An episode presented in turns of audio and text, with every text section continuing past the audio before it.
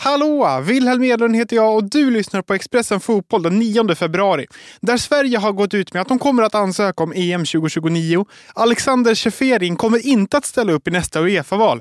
Thiago Alcantara är skadad igen och blåa kort kan bli verklighet. Det och mer i dagens avsnitt.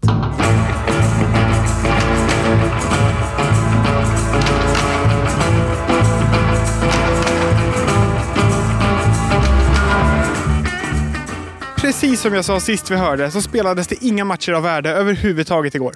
Malmö förlorade träningsmatchen mot Bodeglimt med 4-0 för de som funderar över det, men mycket mer än så hände inte. Däremot har det hänt en del andra grejer. Hela Thiago Alcantaras tid i Liverpool har präglats av skador. I helgen gjorde han comeback efter skadeuppehåll och innan dess hade han spelat typ 100 minuter på ett helt år. Det är fruktansvärt lite. Mot Arsenal blev han däremot inbytt och fick spela strax över 10 minuter. Men nu är han skadad igen. Vi lyssnar på Petter Landén.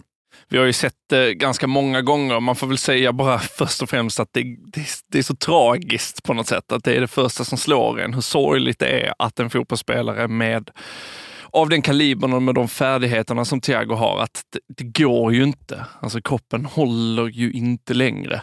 Det är verkligen det man känner. att om ett inhopp efter så här lång frånvaro, efter så många tidigare frånvarofall i Liverpool, då, då, är min känsla att de inte har stressat fram det här. Det har inte funnits någon poäng och ändå så är det så kort tid av spel innan han åker på det igen. Jag, jag kan inte se det på något annat sätt som att, än att Thiagos kropp inte riktigt längre håller för spel på den här nivån. Hans kontrakt är utgående. Vad kommer hända med Thiagos framtid?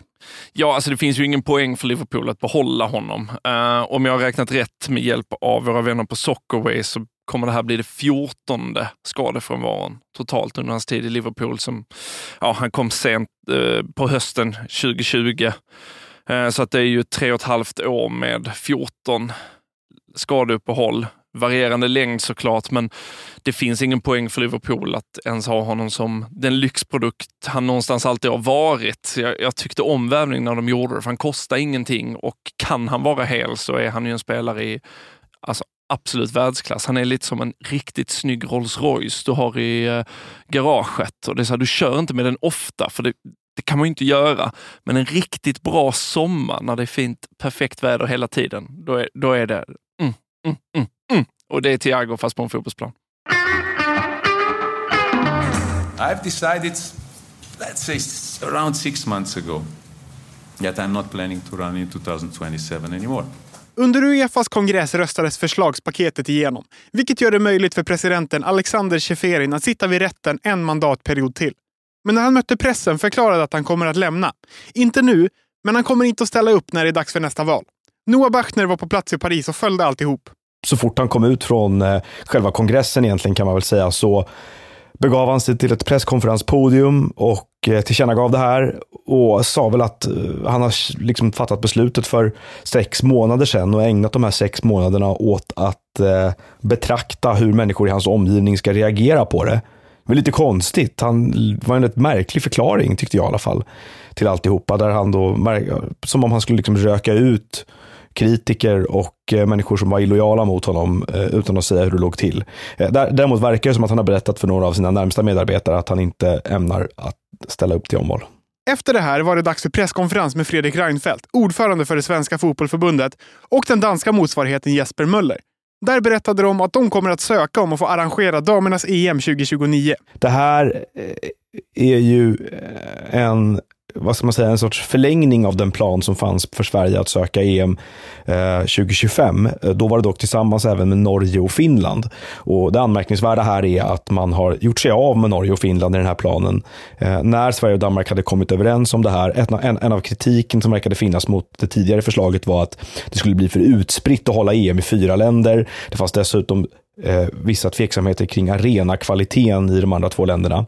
Så när Sverige och Danmark hade kommit överens om det här så eh, skickades Jesper Möller upp till Oslo för att berätta det här för det norska förbundet och Lise Klaveness. Igår sa jag att det skulle komma ett specialavsnitt om den här Uefa-kongressen, men så blev det inte. Utan det avsnittet kommer istället idag. Och det är mycket möjligt att det redan finns ute i Expressen Fotboll-feeden nu när du lyssnar på det här. Välkommen till Coolbet där spänningen aldrig tar slut och underhållningen står i centrum. Här får du inte bara Sveriges bästa fotbollsodds. Du får också en spelupplevelse som är rättvis, transparent och framförallt rolig. För oss handlar det om mer än bara spel. Det handlar om att ta en paus, att våga chansa och att kanske vinna stort. Det oväntade gör varje ögonblick unikt. För dig över 18 år, stödlinjen.se.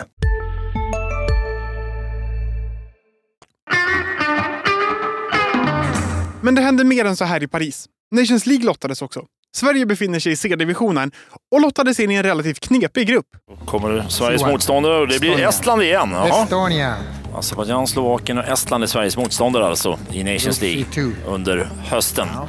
Jag träffade Stefan Pettersson, landslagschefen här då i Paris, precis efter eh, att den här lottningen var genomförd. Och lyssnar man på honom så är det inte ett krav på det sättet, men däremot vad uttryckte han det som? En stark önskan, en stark målbild för Sverige att avancera tillbaka till B-divisionen.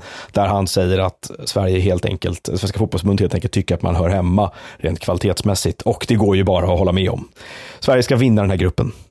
I slutet på förra året pratade jag och Therese Strömberg om blåa kort och tio minuters avstängningar i fotbollen. Så här lät det då. Jag vill inte vara den som är liksom, kategoriskt emot förändringar i fotbollen.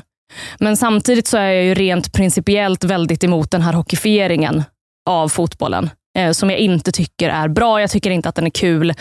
Jag tycker inte att det är fotboll. Med det sagt så förstår jag att man vill göra någonting åt alla de här situationerna som domarna tvingas hantera ute på planen. Och igår kom det rapporter runt om i fotbollsvärlden om att det idag, fredag, kommer att offentliggöras. Och att de blåa korten kan bli verklighet så tidigt som i sommar. Men under gårdagskvällen gick Fifa själva ut och förnekade och sa att så inte var fallet. Vi får helt enkelt vänta och se vad som stämmer och vad som inte stämmer.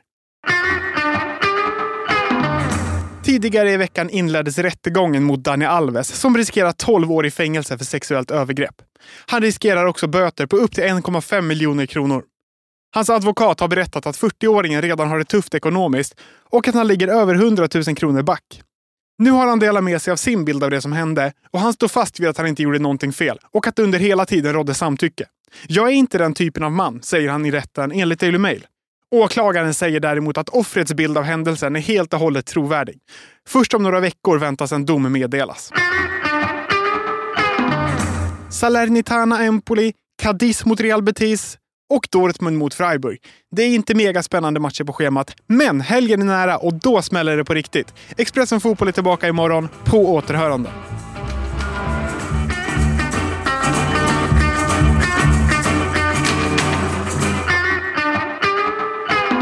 Du har lyssnat på en podd från Expressen. Ansvarig utgivare är Klas Granström. Hej, Synoptik här. Hos oss får du hjälp med att ta hand om din ögonhälsa. Med vår synundersökning kan vi upptäcka både synförändringar och tecken på vanliga ögonsjukdomar. Boka tid på synoptik.se. Hej, Ulf Kristersson här. På många sätt är det en mörk tid vi lever i. Men nu tar vi ett stort steg för att göra Sverige till en tryggare och säkrare plats. Sverige är nu medlem i Nato. En för alla, alla för en.